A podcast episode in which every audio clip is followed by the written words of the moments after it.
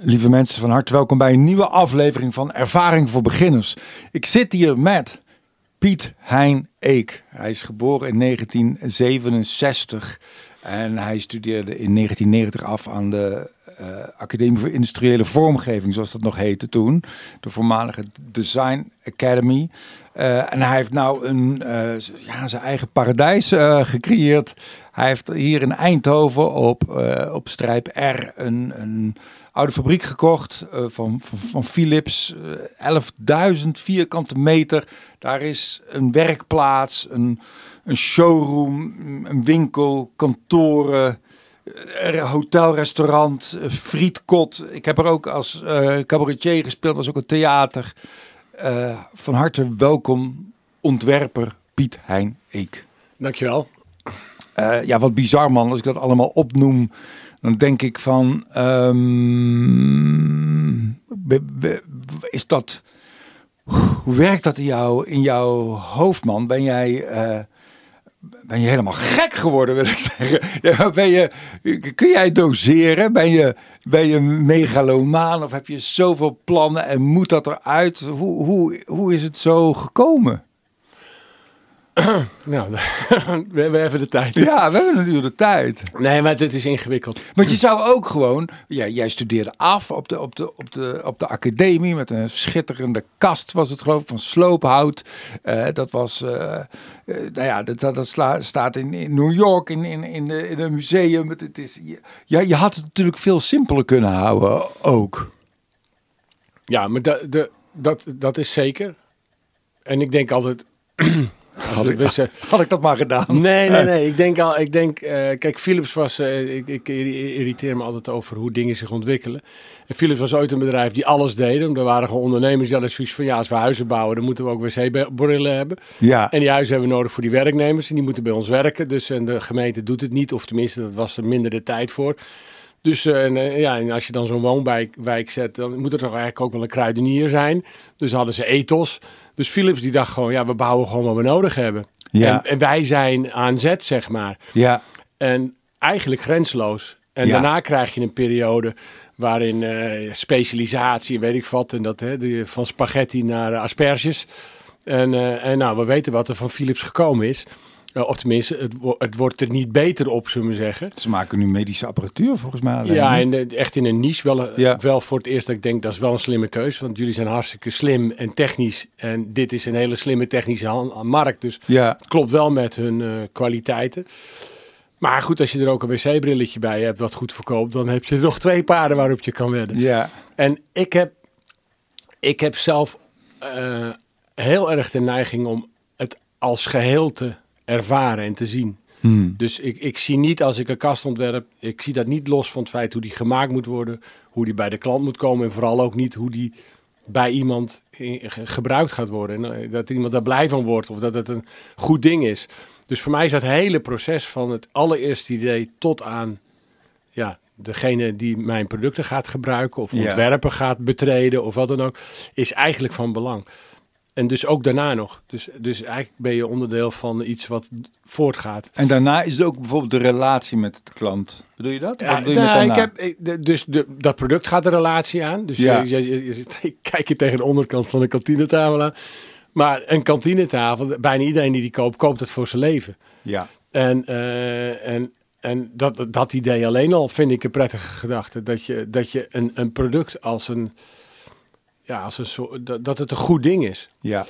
En ook dus dat het een leven mee kan in ieder geval. Ik kan nog beslissen om het niet te doen. Maar, maar ik ben dus niet op die consumptie gericht. Voor mij is, het, is dat complete verhaal heel groot. En als je een heel compleet verhaal hebt, dan zit er dus ook heel veel aan. Ja, maar het complete verhaal is een, ook een grenzeloos verhaal. Ja, is grenzeloos. Is eigenlijk de hele wereld. Ja. He, dus wat, uh, als het zou ophouden, zouden wij spreken. Nou, dan kunnen we ook nog eens een keer. Uh... Je bent eigenlijk een dictator zonder machtswellust. Ja, misschien. Ja. in, in ieder geval, ik voel me vrij om alles te doen waar ik zin in heb. En, elk, en ik. Als ik tijd zou hebben, zou ik muziek gaan maken. Dan zou ik weer geen tijd hebben. Snap je? Ja. Dus ik noem maar wat, hè? Terwijl ik helemaal niet muzikaal ben. Maar ik, ja, ik denk wel, ja, ik hou echt van muziek. Dus dan zou ik dat denk ik gaan doen. Ja. En dan, het saldo is dus nooit tijd. Ja. Maar wel altijd lekker bezig. La- Laten we, laten we eerst even, want we komen hier nog wel, want dit is volgens mij heel essentieel waar we het nou over hebben. En ik vind het heel mooi ook wat je zegt. Ik voel de, de vrijheid om alles, alles te doen. Dat is een mooie les, dat je zelf die vrijheid eh, to- toestaat. Of misschien heb je die ook bevochten. Of, of, of is die er eigenlijk al meteen? Ik denk dat mijn ouders dat. Als je iets ouder wordt, in het begin realiseer je nergens. Ik bedoel, ik ben gewoon bezig. Maar op een gegeven moment realiseerde ik me. Want ik was heel driftig vroeger. Echt Ja. extreem. Dus dat zou nu niet eens meer in een hokje passen. Dus ik sloeg gewoon elke week de boel kort en klein. Thuis en op school en wat. En die leraar die hield gewoon van me. En die was lief voor me. Die zei, ja, die jongen is hartstikke lief. Hij is wel heel driftig, maar is ontzettend lief. Dus, dus ik werd eigenlijk gesteund. En toen ik 32 was, 33, toen realiseerde ik me opeens... Zij hebben gewoon zo van me gehouden. De- gewoon dat is het voornaamste wat ik meekreeg. Ja. Terwijl ik alle reden gaf om dat niet te doen. Hè. Dus er was zoveel reden om, om een draai om oren te geven. Om te zeggen, ja, die Piet en mijn, mijn, mijn buurmeisje kwam in, in, in Eindhoven toen we de pand gekocht hadden. Esther Josmeijer. Die kwam langs en die, eh, die zegt, wij dachten allemaal dat je crimineel zou worden.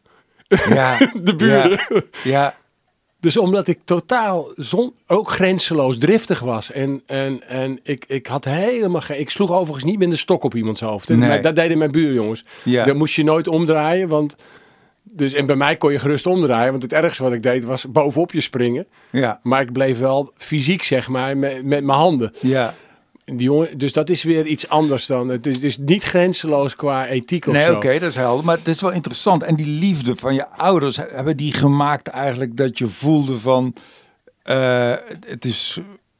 Die, die hebben je bevrijd eigenlijk. Of Je dat kan niet mislukken dan. Dat, ja, ja, precies. bedoel, als, als, als je het gevoel hebt van, van het, want het gaat daar ook echt om, denk ik. Het gaat erom dat je van mensen houdt en mensen van jou houden. En als dat er is, ja, wat, wat kan je dan nog verliezen? En eigenlijk is dat ook het grootste verlies. En dat is ook de grootste treurnis voor, voor sommige andere mensen of om je heen. Als je, Hmm. Dan zie je dat mensen eigenlijk, eh, hoe slecht het ook is, het lukt altijd als je het gevoel hebt dat, je, dat, je, dat, je lief dat mensen je lief hebben. En, en andersom Ja. is dat ook super belangrijk. Dus, dus ik heb het gevoel dat dat essentieel is geweest. Ja.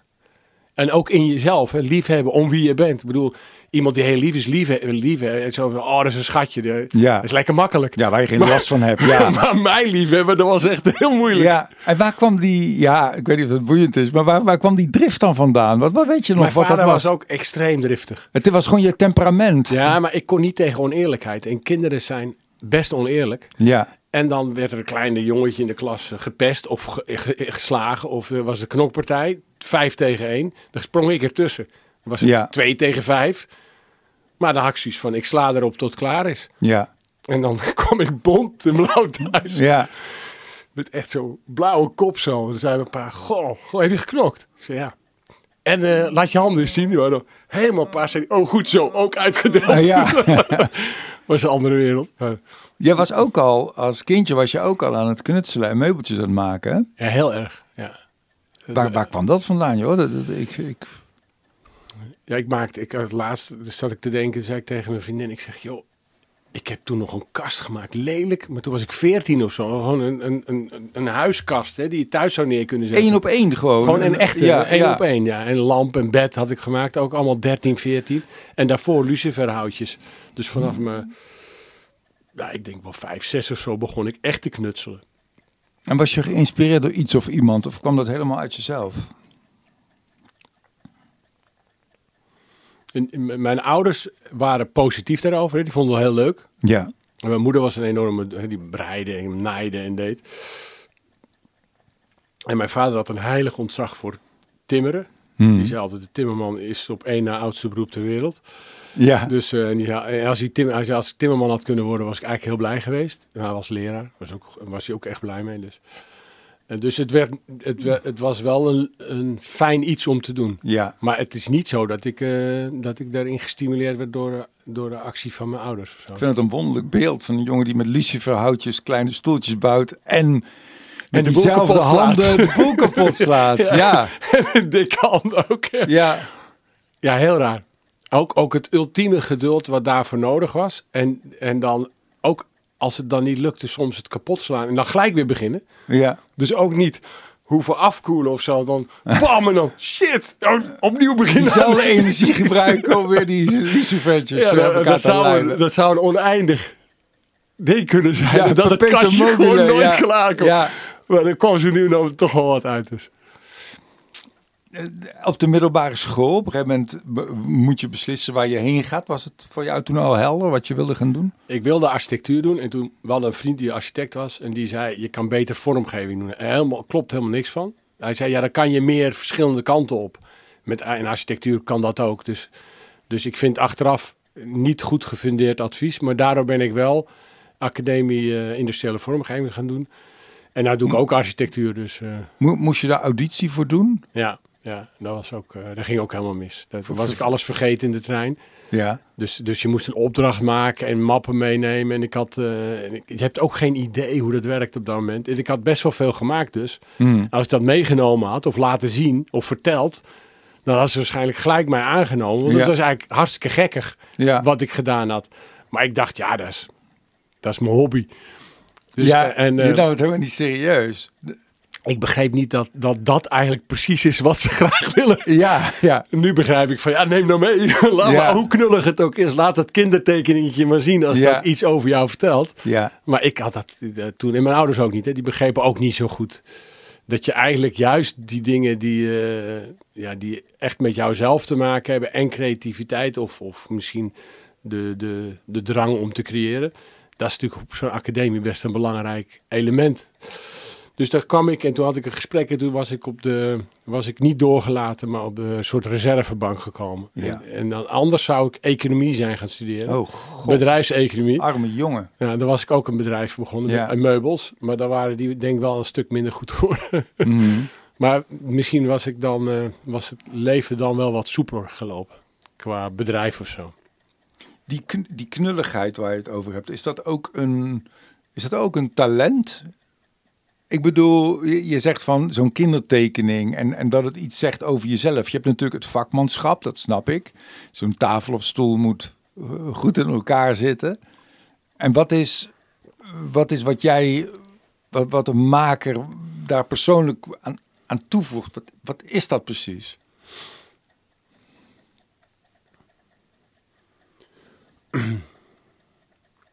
Ja, het gekke is dat, dat eh, creativiteit wordt heel vaak als, als, eh, als nieuw, synoniem aan nieuw, nieuw gesteld. Hè? Dus, Mhm. eh, dus zeker in, in beeldende beroepen. Ik weet niet of dat in de, in de cabaret ook zo is.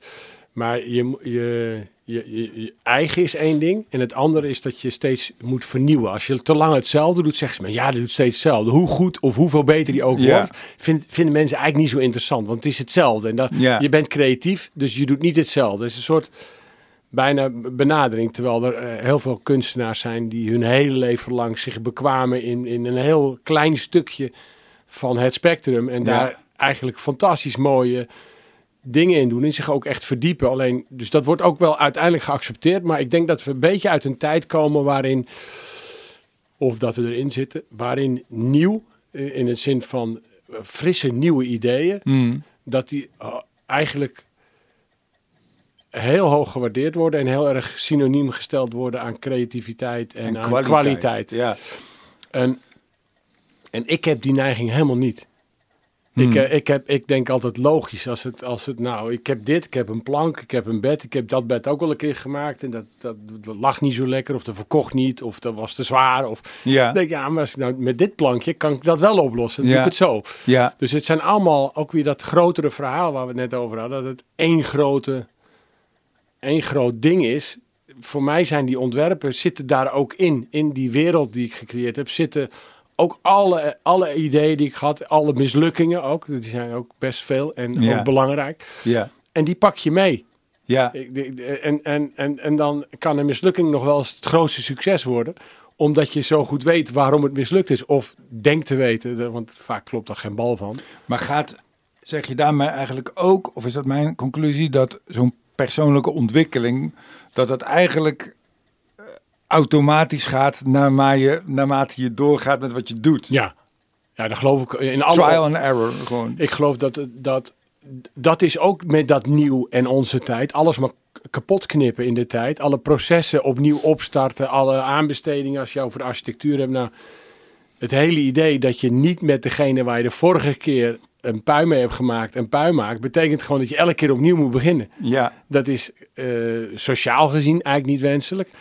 Het kost elke keer tijd om überhaupt het proces op te starten. Dus ben je allemaal al verloren.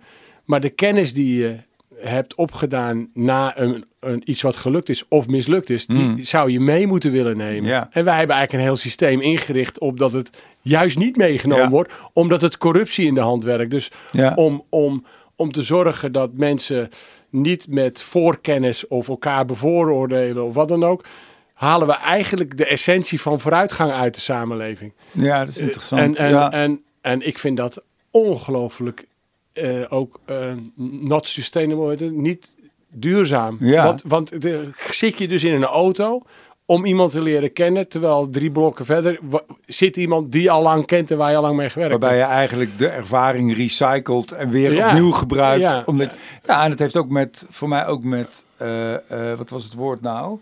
Eh, met de, de, de betrokkenheid te maken. Hè? Dat, ik vind het heel fijn dat we nu een burgemeester hebben, bijvoorbeeld, die in Eindhoven geboren is. En ik voel dat hij van de stad houdt. Ja. En dat als je inderdaad een architect uit Italië haalt, die, ja, die heeft dan hier een leuke klus als die een winkelcentrum neer moet zetten. Maar wat kan hem het rotten, weet je wel?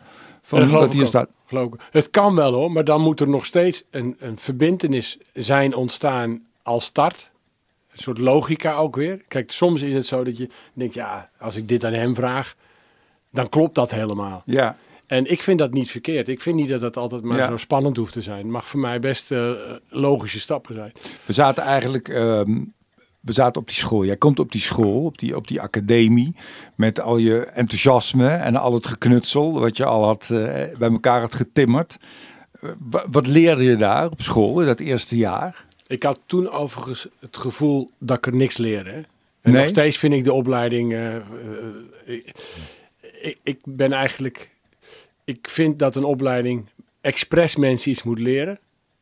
En niet per ongeluk. En ehm, Ja. eh, ik zat op een opleiding waar, waar, waar die goed georganiseerd was. Dus de directie had het, had het goed op orde qua, qua hoe het in elkaar stak. Eh, maar inhoudelijk was het, de, inhoudelijk was het niet alles. Maar, maar als je dan met allemaal leraren te maken krijgt in opdracht en je bent gewoon redelijk goed of je ontwikkelt je per ongeluk goed, dan leer je heel veel. Hmm. Maar ik moeten de wat mindere leerlingen ook goed leren. Ja. En dat was toen niet. Dat is eigenlijk alleen maar goed geweest tijdens uh, Liedewij Edelkoor. De- Dus na mij. Ja. En dat is, in 2010 was dat ook al, geloof ik dat zij 2010 is gestopt. Zij had ook een onderwijsvisie. Mhm. Dus dat was dubbelop. Toen was de organisatie nog goed, omdat dat netjes achtergelaten was. En zij heeft er een fantastische visie aan toegevoegd. Maar toen ik er zat, had ik gewoon allemaal leraren. En die gaven les. En het eerste jaar was eigenlijk heel goed ingericht met ontzettend veel leuke leraren. Die een soort van allround creatieve opleiding gaven. Dus je kreeg schilderen, je kreeg kleurlessen, je kreeg papier, hout. En er waren allemaal opdrachten van maak van dit, dat. Of eh, heel doenerig, maar ook heel, heel veel inhoud ook. En heel veel gesprek. En ik weet nog dat, eh, dat schilderen, dat was eh, Mathieu Meijers. Die, dat was echt een ding. Daar, daar ging iedereen voor door, eh, de s'nachts door. En dat was zo, naar de beoordeling toe was het zo van... Hoeveel, hoeveel je wel of niet geslapen had, was... eh, niemand sliep de hele nacht van de Wat voor, wat voor soort opdracht gaf hij? ja, dan moest je je zelfportret maken, dat weet ik nog. En dan eh, schilderen, schilderen. En dan zeiden ja, maar ja, Piet, dit en dat. En, eh, dat was, eh, dus dat, die was streng. Maar die had op de een of andere manier de, de, de, de kracht of de macht om mensen helemaal gek te maken. Met, Ook omdat je het goed wilde doen voor ja, hem. als je dat niet deed, dan had je ook een probleem. Was, Ja. die, die indruk gaf hij. Hè? Dus Ja. eh, het is natuurlijk niet belangrijker dan de andere leraren. Maar hij had zich wel een positie verworven waarin eigenlijk iedereen dacht en vond. En waarschijnlijk was het ook al zo. Dat je daar toch echt wel het onderste van je van uit de kant moest geven.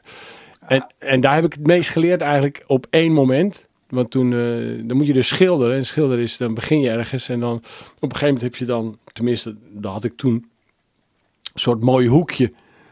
Maar ja, dat is niet het hele schilderij. Nee. En ik was al weken bezig, of in ieder geval heel lang bezig, om dat hoekje, de rest zo goed te maken als het hoekje. Ja. En toen dacht ik op een gegeven moment, ja, fuck.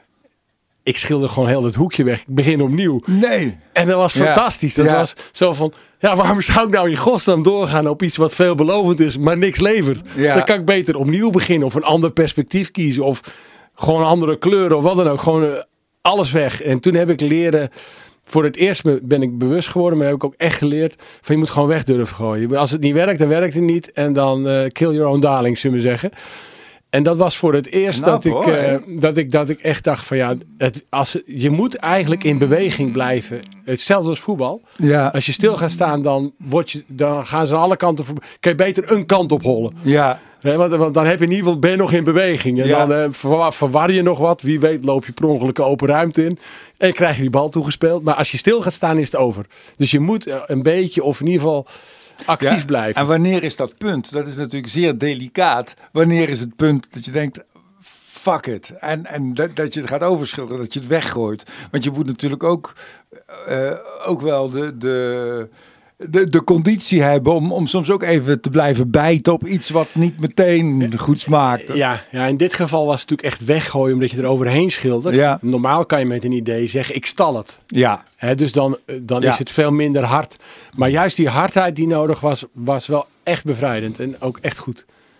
Want ik heb da- si- sindsdien, en dat is eigenlijk nog steeds, ik, ik probeer altijd die beweging erin te houden. Want dan vind ik het ook leuk. ja, Als het allemaal heen en weer gaat en borrelt en doet, dan, ja, dan komen er ook dan komen er eh, misschien niet precies de ideeën die je nodig hebt. Maar er komt wel de hele tijd iets uit dan. dat is grappig hè, dat je ook als maker ook, ook moet zorgen dat je reservoir, zeg maar, waar je ideeën blijkbaar inkomen, dat dat, dat ook schoon blijft of, of leeg blijft. Of dat daar, Ja. dat daar ruimte, kastcapaciteit komt. Gewoon. Ja, ik, ja, of levendig. Ik noem het altijd chaos. Als het allemaal heel netjes wordt, dan snap je, als jij een bedrijf inricht dat het als asperges op een bord ligt, dan is het misschien wel overzichtelijk, maar er gebeurt ook niks wat je niet verwacht. Maar iets onverwachts is net zo goed ook een kans.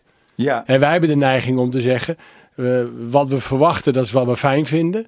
En wat we niet verwachten, is niet fijn, want dat is, de, onverwachts is bijna niet fijn. ja dat creëert Maar dit- stress. Maar dat is eigenlijk onzin, want Ja. heel veel onverwachte dingen zijn heel fijn. Ja, En, en, en, en we hebben ook nog de neiging om het om te keren in ons hoofd. Dus iets wat verwacht is, dat heb je bedacht. Want we, we, we, we willen graag dat de wereld is zoals wij het zelf denken. En iets wat onverwacht is, dat, is, dat komt door anderen. Hmm. Hè, du- of door omstandigheden. ja, Maar ja, ik denk altijd bij mezelf, wat ik allemaal verwacht, er komt bijna niks.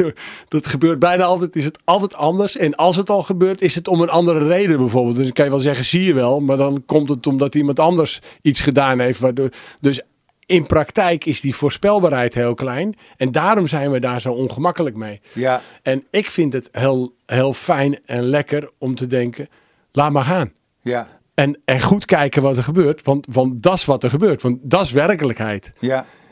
En, en, en voor je het weet zit je alleen maar te denken hoe het zou moeten. Ja, dan, ben je natuurlijk, dan, dan loop je alleen maar achter de feiten aan, volgens mij. Ik, ik, eh, ik moet denken aan, ik sprak hier eh, in dezelfde podcast ooit met Jan Geurts, een soort eh goeroe. En die zei, wat je moet leren is ontspannen in de shit. Ja, ja dat klopt. En dan heb je die, nou ja, dat wat je eigenlijk net schetste. Want je moet wel goed op blijven letten. Want dat is natuurlijk het risico van stress, is dat je, of van chaos, is dat je, je hoeft geen overzicht te hebben, maar je moet wel zicht hebben. Je moet wel Ja. dingen Ja. en kansen zien. Ja, je moet er overeind in staan, ja.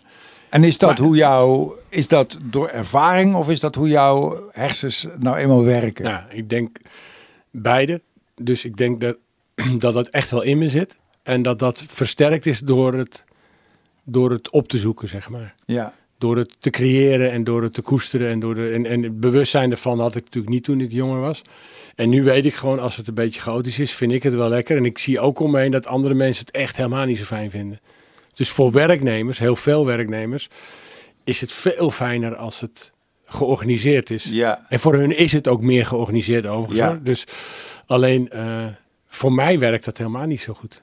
En hoe doe je dat dan? Heb jij een soort, want ik weet helemaal niet hoe die constructie zit, want heb jij ook een soort eh, eh, assistent die, iets meer orde creëert in die chaos? Of is nee, dat nee, niet? nee, het bedrijf is wel georganiseerder dan ik ben. Ja, En dat is het hele, het hele ding.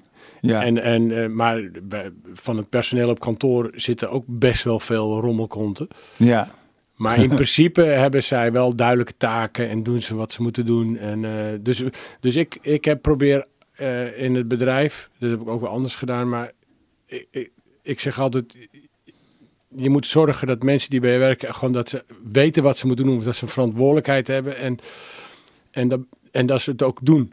Heel vaak doen mensen iets niet en dan gaan ze uitleggen waarom ze het niet gedaan hebben. En daar zit eigenlijk al in hoe ze het wel hadden moeten doen. Ik zeg ja, dat doen ook doktoren. Hè? Dus ook mensen die hoog opgeleid zijn. En die gaan dan, uiteindelijk hebben ze een taak. En dan gaan ze uitleggen waarom ze het niet gedaan hebben, tot in de puntjes. Mhm. En dan denk ik, ja, maar had je het ook wel kunnen doen. En dat vind ik zo onbegrijpelijk eigenlijk. Ik denk, ja, dat, en dat, ik maak altijd de grap. eh, en dat klinkt heel, heel simpel, maar het is echt, het komt heel vaak voor als je hem helemaal goed tussen je oren hebt.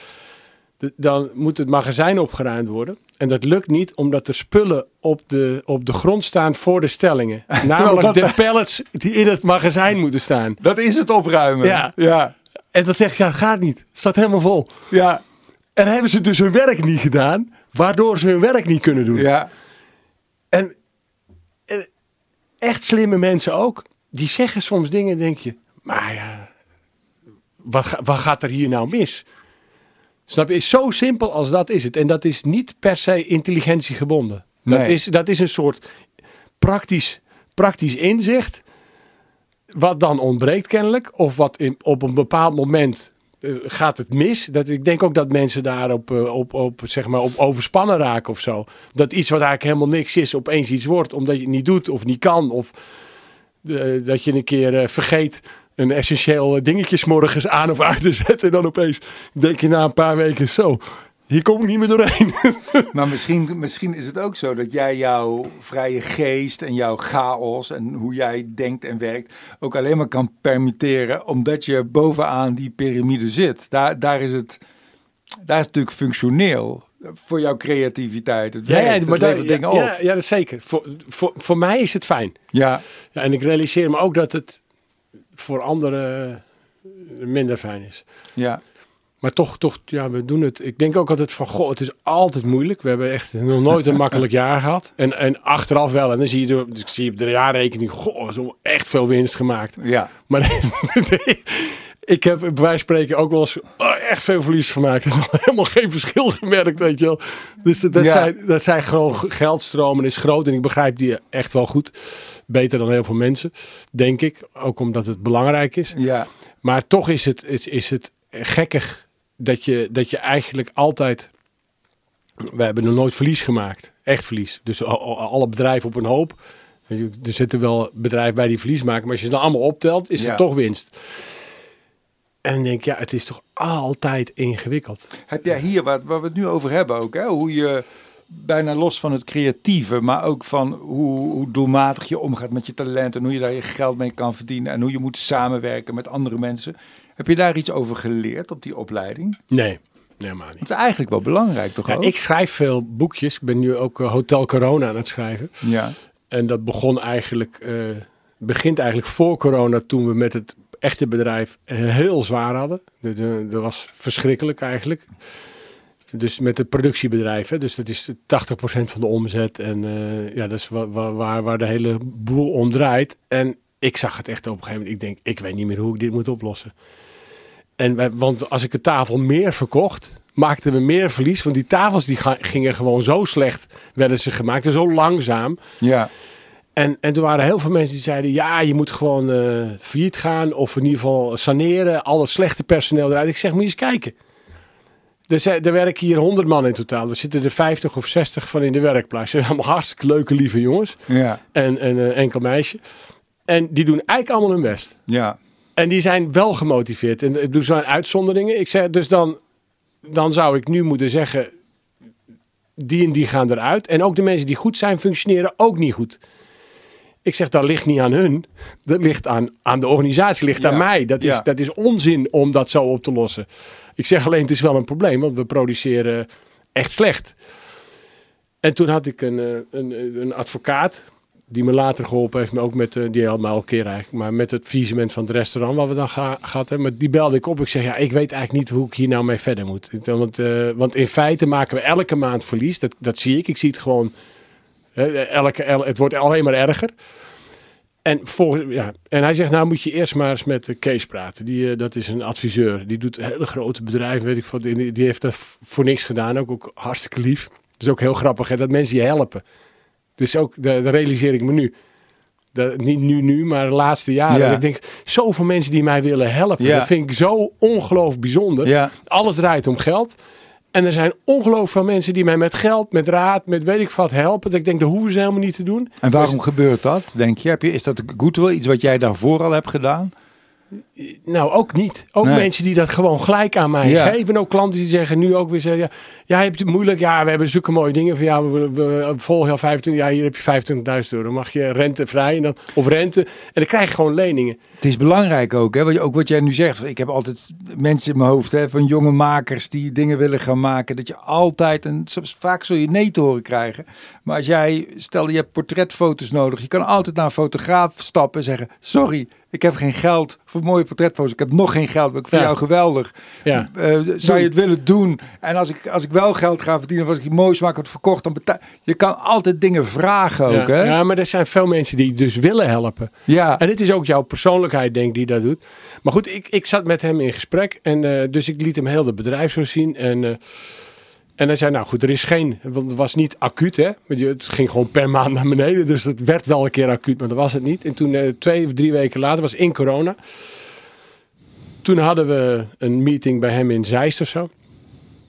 En ik had in de tussentijd na zitten denken van, wat moet ik nou? En toen dacht ik, ja, wat de uitkomst ook is. Of we nou failliet moeten gaan, of we het moeten saneren, of wat dan ook.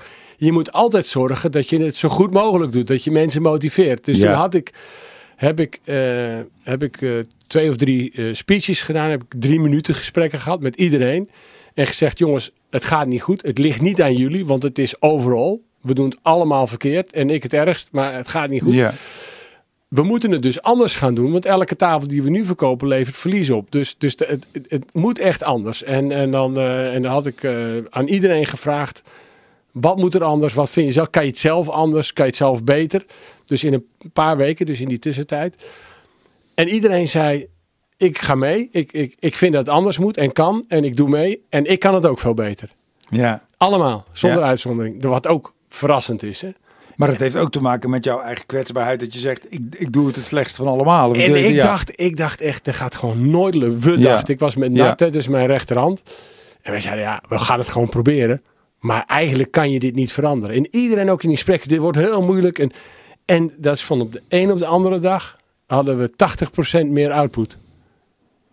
Per gewerkte uur. En we hadden meer gewerkte uren. En is dat dan spirit die je aanwakkert? Ja, nou, het, het ja. punt was, wij waren niet meer. Het was, iedereen zei, ja, ik vind het superleuk. En ik vind mijn collega's leuk. En ik vind het werk leuk. En ik ben gelukkig hier. En, Ja, Maar niemand was bezig met productie. ja, En het bedrijf is een productiebedrijf. En Ja. kan je eigenlijk alleen maar echt gelukkig zijn als je ook, ook daadwerkelijk produceert dan. Ja. Ik bedoel, als jij een grap bedenkt die niet grappig is, dan is toch minder leuk dan een eentje Ja. die wel doet. Hè? Ja. En, en daar dan alles wat... Maar wij waren gewoon niet meer bezig met waar we mee bezig moesten zijn. En dat, dat bewustzijn, dat, dat, dat had ik wel. Want ik had heel veel geprobeerd te veranderen. Maar toen was het ook corona, hè? dat is ook gunstig. Mhm.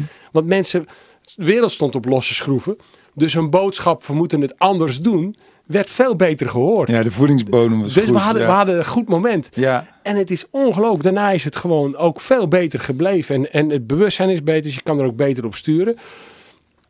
En uiteindelijk heb ik eh, ervoor gekozen, omdat ik het ook echt zo voelde, niet te gaan zeggen dat, a- wat aan wie ligt.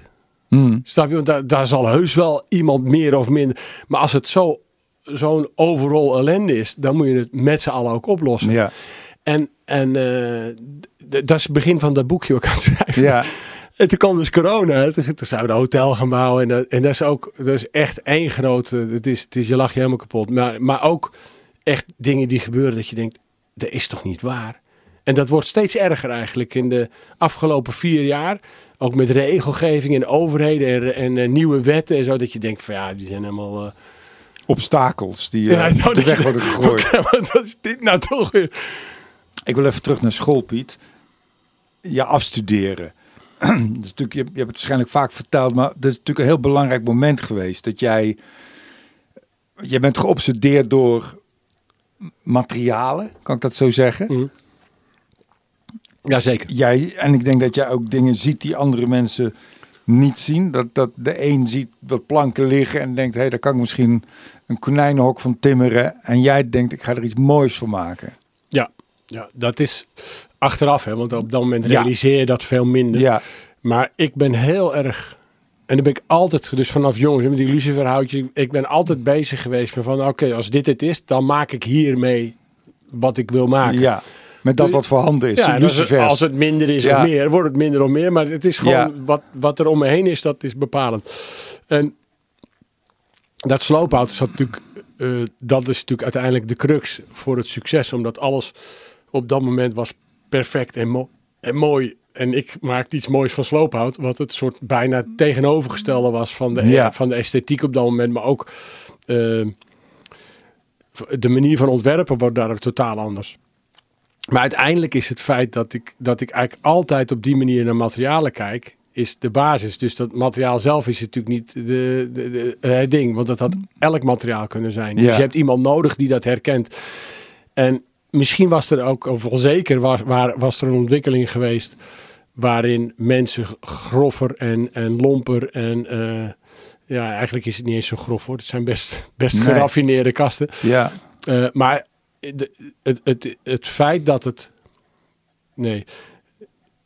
De, als ik het niet gedaan had, was er waarschijnlijk zeker ook een stroming geweest die dit had gedaan. Omdat het een soort tegengesteld was aan wat er was. Je krijgt altijd, oh, als als naar rechts gaat, komt er linksruimte en andersom. Dus ja.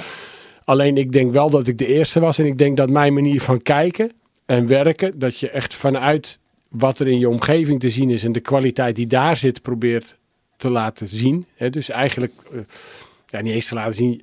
Je maakt gewoon met wat er om je heen is iets moois. En dat kan eigenlijk altijd. Het, hoeft... het is heel grappig wat je nu vertelt. geldt ook gewoon voor een comedian. Hè? Ja, nee, 100%. Wat je nu vertelt, dat wat er om je heen gebeurt en is, dat gebruik je. Ja, en dat wordt ook begrepen dan. Ja. Want andere mensen leven in diezelfde wereld. Ja. Dus het is ook een soort logica. Ja, dat hout staat er. Dat, het staat er al honderd jaar. Ik vond niks, maar nou zie ik opeens hoe mooi het is. En ja. Dus het, is ook, het, het, het schept ook een, een perspectief wat mensen, uh, wat, waar, je, waar je kan begrijpen of kan invoelen of wat dan ook. En dat, dat, dat het geen abstractie is in die zin, maar dat je als, als, als, uh, als onderdeel van de maatschappij functioneert. Ik denk dat dat dat dat misschien wel belangrijker is dan of je sloophout of staal. Want ik maak ook heel veel van metaal. Ja. Maar dan gebruik ik ook, daar zit bijna altijd 100% materiaal. Gebruik ze altijd, altijd heel erg toegespitst op de mogelijkheden die, die wij hebben met onze machines en onze jongens. En dan is dat niet zoveel, maar daar weet ik wel precies van wat we ja. ermee uh, mee aan moeten en kunnen. Maar het is ook, uh, het is ook denk ik een beetje uh, zonder waardeoordeel kijken naar dingen. Want het is ook van, hey, dit is misschien... Een ander ja. zeggen dat is lelijk, maar ja. jij maakt het... Ja, zonder historisch het... waarde oordeel. zonder zeg maar ballast van wat mooi en lelijk is of wat wel of niet mag. Dus als, iets wel, als iets niet mag, vind ik dat bijna meer reden om het te doen dan dat het wel mag. Dus de lol er eigenlijk al een wat beetje is daar een voorbeeld van? Nou ja, al, alle materiaal, alle, alles met constructie, ook met het gebouw. Dan, dan krijg ik van de constructeur een tekening of een, een berekening. En die weten helemaal niet wat ze berekenen, want dat kunnen ze helemaal niet. Snap je? Het zijn boekjes. Ja. Maar zij hebben nooit een stuk ijzer in hun hand gehad. Die hebben niks gelast, niks gemetseld, niks getimmerd. Dat zijn berekeningen. Ja. ja, en die zijn totaal theoretisch geworden. Dus de kans dat het ook misgaat, een keer gruwelijk, wat ook wel eens gebeurt, is heel logisch. Want, want ze weten helemaal niet waar ze mee bezig zijn. Ja. He, ze kunnen bij wijze van spreken een uh, komma verkeerd zetten. En dan zien ze het niet. Want ja, het zijn maar cijfertjes. En dan zeg ik, ja, zeg het maar, ik heb het gebouw staan, dus uh, wat bereken je nou eigenlijk precies? Ja, zoveel kilo met zoveel doorbuiging. Ik zeg, nou, dan leg ik het er gewoon op. En dan is het altijd, de, de, meestal buigt het niks door en leggen we er drie keer zoveel gewicht op. En dan ja. zeg ik, ja, dat kan niet, dat moet doorbuigen. Ik zeg, nou, kom maar kijken. Ja. En dan maken we filmpjes. dus het constructierapport wordt dan onderbouwd met filmpjes van wat hij normaal berekent. Dat testen we gewoon. Ja, ja. Ik denk, ja, ik heb het toch staan of niet? Ja. Dus ik geloof ook heel vaak, ik, ik ben heel wantrouwig naar kennis, zeg maar. Er is, een er is een schitterende film van Kieslowski, die Poolse regisseur. Die heeft de tien geboden verfilmd. En één gebod in één film is een man, is een jongetje. Het is winter in Polen en die dat jongetje wil gaan schaatsen. En die vraagt aan zijn vader of hij het ijs op mag. En die vader die berekent dat op de computer. Zoveel, zo diep is het water, zoveel vriest het, de wind staat zo. En op basis daarvan zegt hij, het kan. En die jongen gaat schaatsen, zakt door het ijs en verdrinkt. Gruwelijk. Maar dat is eigenlijk precies dit verhaal. Ja, ja, ja. ja. En het gebod is van, gij zult geen andere goden eh, aanbidden. En de god is dan de wetenschap eigenlijk. Ja. Hè? Dat- Dat geloof ik, ja. ja. Het is een beetje, eh, hoe heet het, ehm, Ons Veilbaar Denken. Dat is mijn lievelingsboek. Ja. Van, oh, K- Kilman? ja, Ja. Kahneman. Je Kahneman. Ja, Ja. ja. Daniel Kahneman. Ja, dat, dat, die is, die, dat is een, een, een Franse Jood die gevlucht is in de Tweede Wereldoorlog. In Vichy, Frankrijk heeft gezeten. Toen naar Israël is gegaan en uiteindelijk in Amerika is gekomen. En furore heeft gemaakt met een, iemand met vergelijkbare geschiedenis. eh, dus met Taversky en Kahneman. En hij is vooral heel aardig, maar gelooft niks. Hij is gewoon, gewoon zwaar beschadigd in de zin van, ja, die heeft te veel meegemaakt van de mensheid. Dus die gelooft gewoon niet meer in de mens. Maar Ja. eigenlijk gewoon helemaal sowieso niks. En ik las dat, of ja, ik heb dat gelezen en ik dacht, dit begrijp ik heel goed. Ja. Dat je, en dus zonder kwaad te zijn. Hè? Dus het is, er zit in hem, zover als ik eh, zijn boeken lees, geen, geen boosheid op de mensheid. Of, eh, want daar heeft hij alle reden toe. Maar hij denkt ook, ja, die mensen zijn ook mensen. Dus dit gebeurt. Maar hij heeft een on, ongelooflijk eh, optimistisch wantrouwen naar alles wat er om zich heen zit. Mooi en optimistisch Ja, wantrouwen. en, ja. en, en, eh, en, dat, en ik, la, ik lees dan hoe hij denkt en wat hij dan onderzoekt. En ook dat hij denkt, dat kan niet waar zijn. Dus iedereen denkt, dat is zo. En hij denkt, nou, geloof het gewoon niet. En dan blijkt het gewoon eigenlijk allemaal onzin te zijn. Eigenlijk alles wat wij als waarheid, of al, heel veel wetenschap blijkt gewoon helemaal niet wetenschappelijk onderbouwd. Als je het echt goed, eh, dus empirisch wel natuurlijk. Maar als je het echt goed beschouwt, dan, dan blijkt dat, dat, je, dat, dat elk mens, dus ook een wetenschapper, die, die doet iets met een beoogd doel. Hm. Ja, die wil ergens heen. Ja, en die heeft allemaal knoppen waar hij aan kan draaien. Maar ook zonder dat hij het eigenlijk zo erg in de gaten heeft. En dat doen mensen gewoon. Ook wetenschappers, die draaien gewoon aan de knop. Zeggen, zie je, dat komt precies uit wat ik eh, dacht. Maar hebben ze wel halverwege of op driekwart gedacht, nou, dan gaat het een beetje verkeerd. Misschien moeten we daar een beetje eh, de wat... En helpt dat, helpt, is dat, helpt dat jou om, om eigenwijs te zijn? Nou, het, wa- waar, waar mij mee hielp was dat, dat ik heb ook een soort... eh, ik heb ook wel wantrouwen zonder, eh, men, zonder mensen gelijk klootzakken te vinden. Hm. Ik ga er eigenlijk vanuit dat, dat, dat iemand denkt dat hij de waarheid spreekt, maar dat het waarschijnlijk niet zo is. En terwijl wij normaal denken, als je de waarheid niet spreekt, dan ben je een lul. Ja. En ik probeer altijd de waarheid te spreken, maar ik weet ook dat, dat, dat je kan niet meer doen dan je best om, om Ja. zo eerlijk mogelijk te zijn. Want, Want dat het is geldt ook voor jezelf. Of denk je dat, dat niemand Nee. het weet en jij zelf wel? Dat, dat, Nee, nee, ik dat denk dat, ik nee, nee, ik denk dat ik het helemaal niet weet. nee. En, en, eh, maar ik denk wel dat, eh, dat je zo eerlijk mogelijk zijn, Ja. dat dat wel, wel fijn is voor, voor mensen en de omgeving. Ja. Dus alleen al het gevoel dat iemand zijn best doet. Had jij dit kunnen doen? Ik zit opeens te denken van, je bent ook zo'n...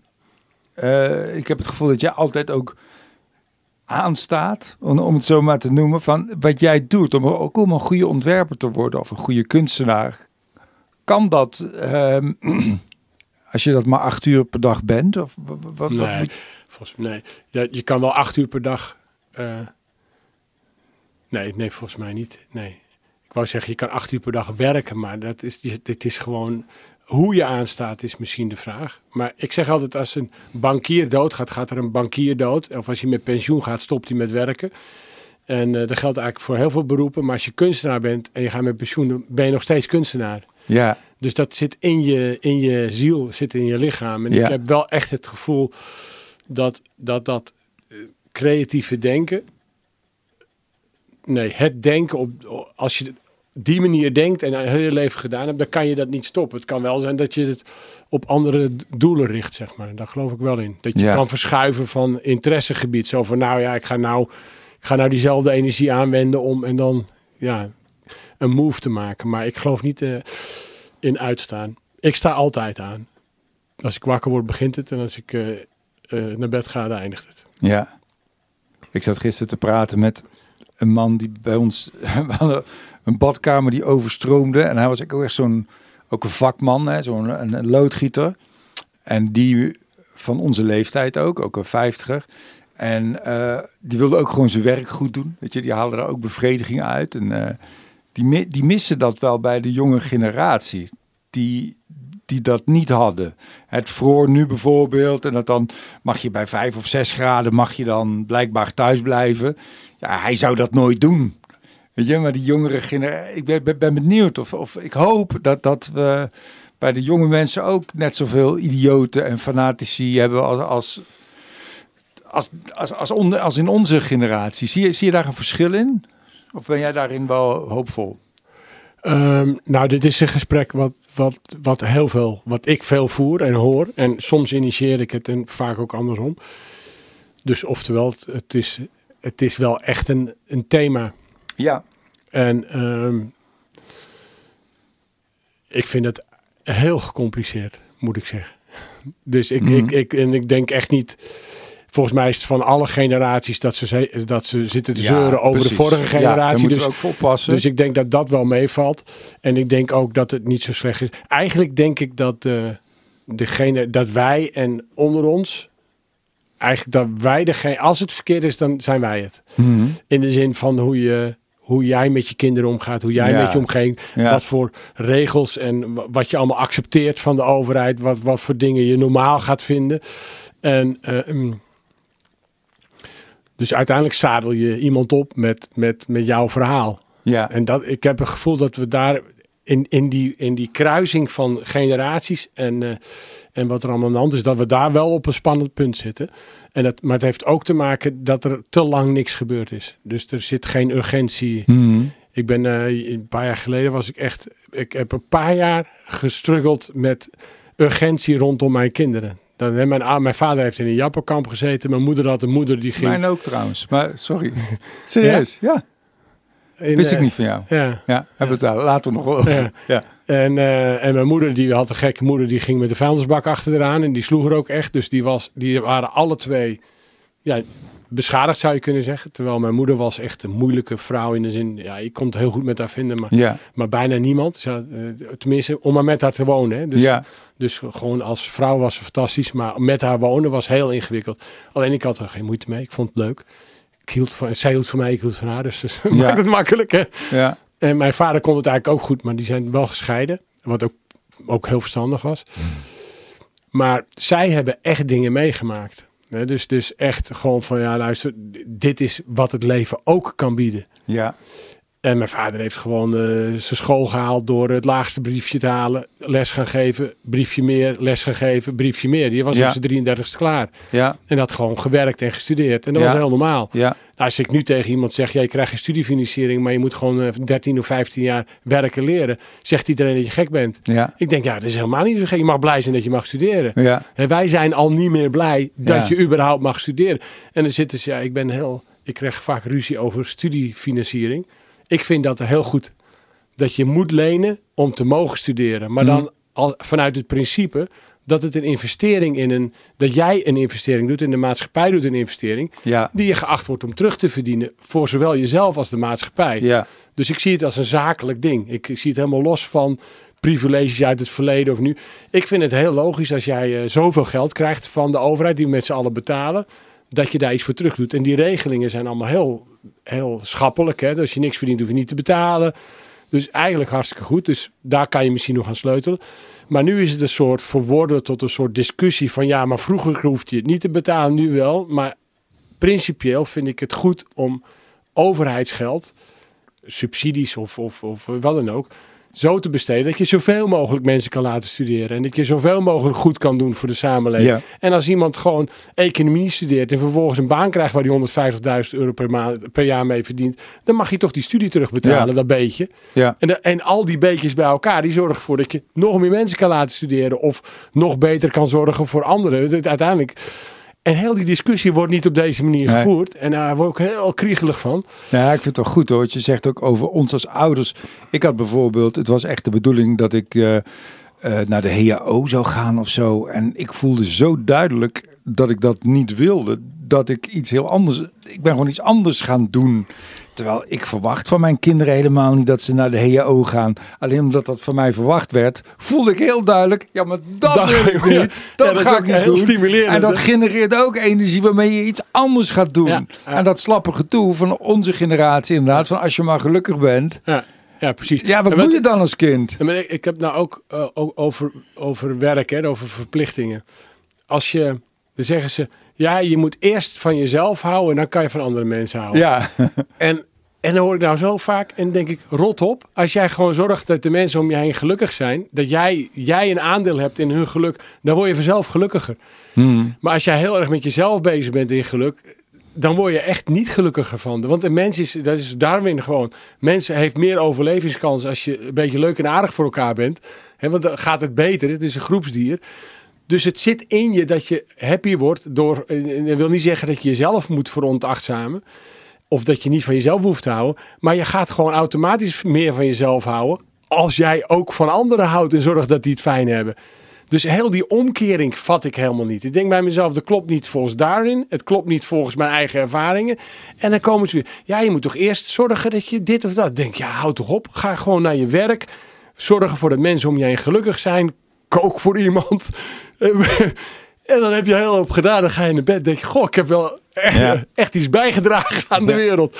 En dan ga je gelukkig naar bed. En dan word je gewoon... Ik weet zeker dat 99 van de 100 mensen daar gelukkig van. En ook juist de mensen die helemaal vastzitten.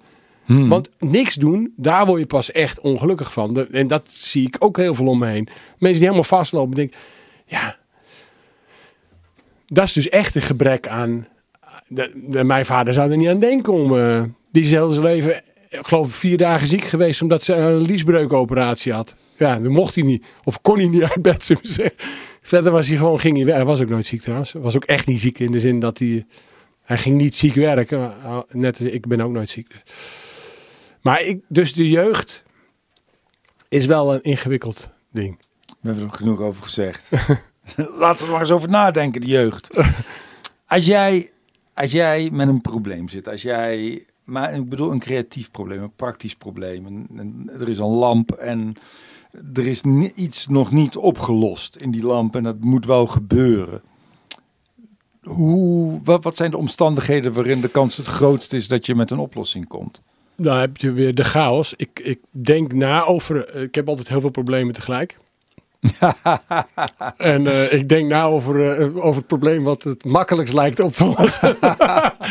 Ja, En dan stal ik, stal ik om beurten zo. En dan, Ja. eh, en dan vaak, dan, dan komt daar opeens een oplossing uit.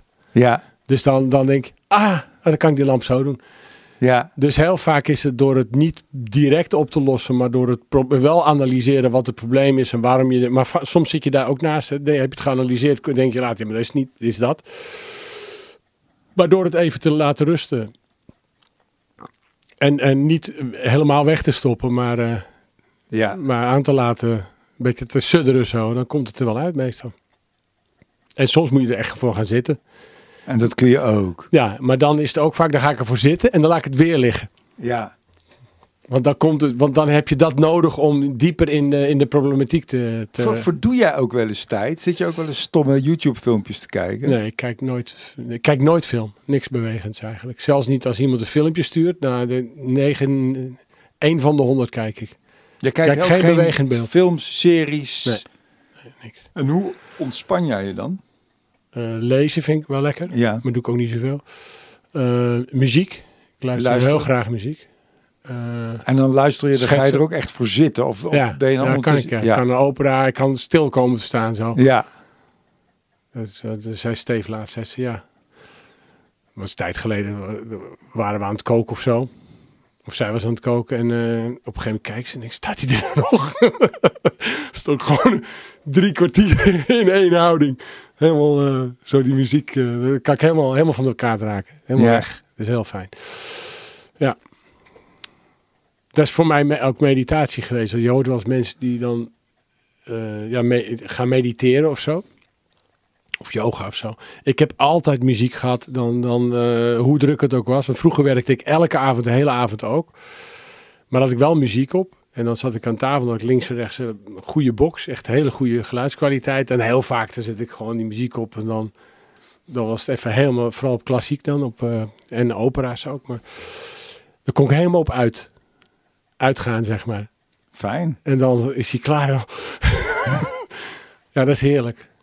En, en dat, dat, is, dat heb ik altijd heb ik van mijn vader ook. Die kon ook in de stoel gaan zitten, muziek luisteren en dan eh, twee uur later.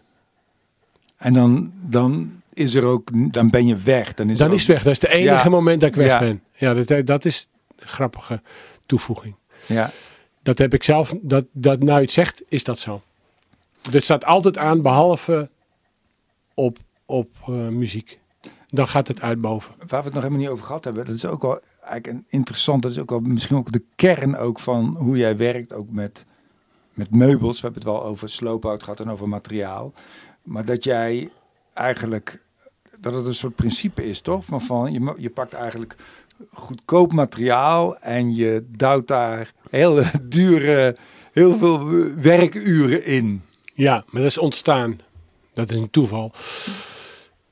Maar ambacht is natuurlijk, eh, of arbeid is natuurlijk een ontzettend belangrijke component. In, Heel eh, duur in- ook. Ja, ja, Zeker als je, maakt het gewoon in Ja, Nederland. In, Maar eh, het is niet te doen in. eigenlijk kan je in Nederland bijna geen meubels produceren als je com- concurreert op, op het normale gebied. ja, Eh, dan moet je hele productieprocessen optimaliseren. Moet je arbeid eigenlijk uitbannen of naar goed, lage loonlanden gaan. ja, Heel veel, heel veel investeren in automatiseringsprocessen. Nou, al die- alles wat er gebeurt en wat we kennen.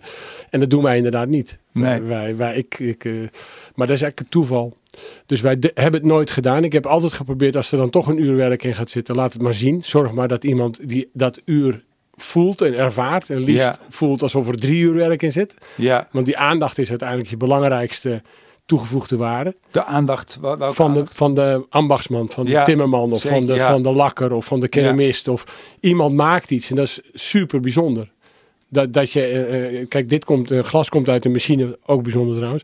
Maar als je het gevoel hebt van, god, dit heeft iemand lopen plakken Ja. van keramiek, dan is dat echt een heel bijzonder gevoel. Want Ja. dat, dat is dan echt handmade, zeg maar. Ja, Dus op het moment dat je een product dat gevoel kan meegeven, dan krijgt het meer waarde.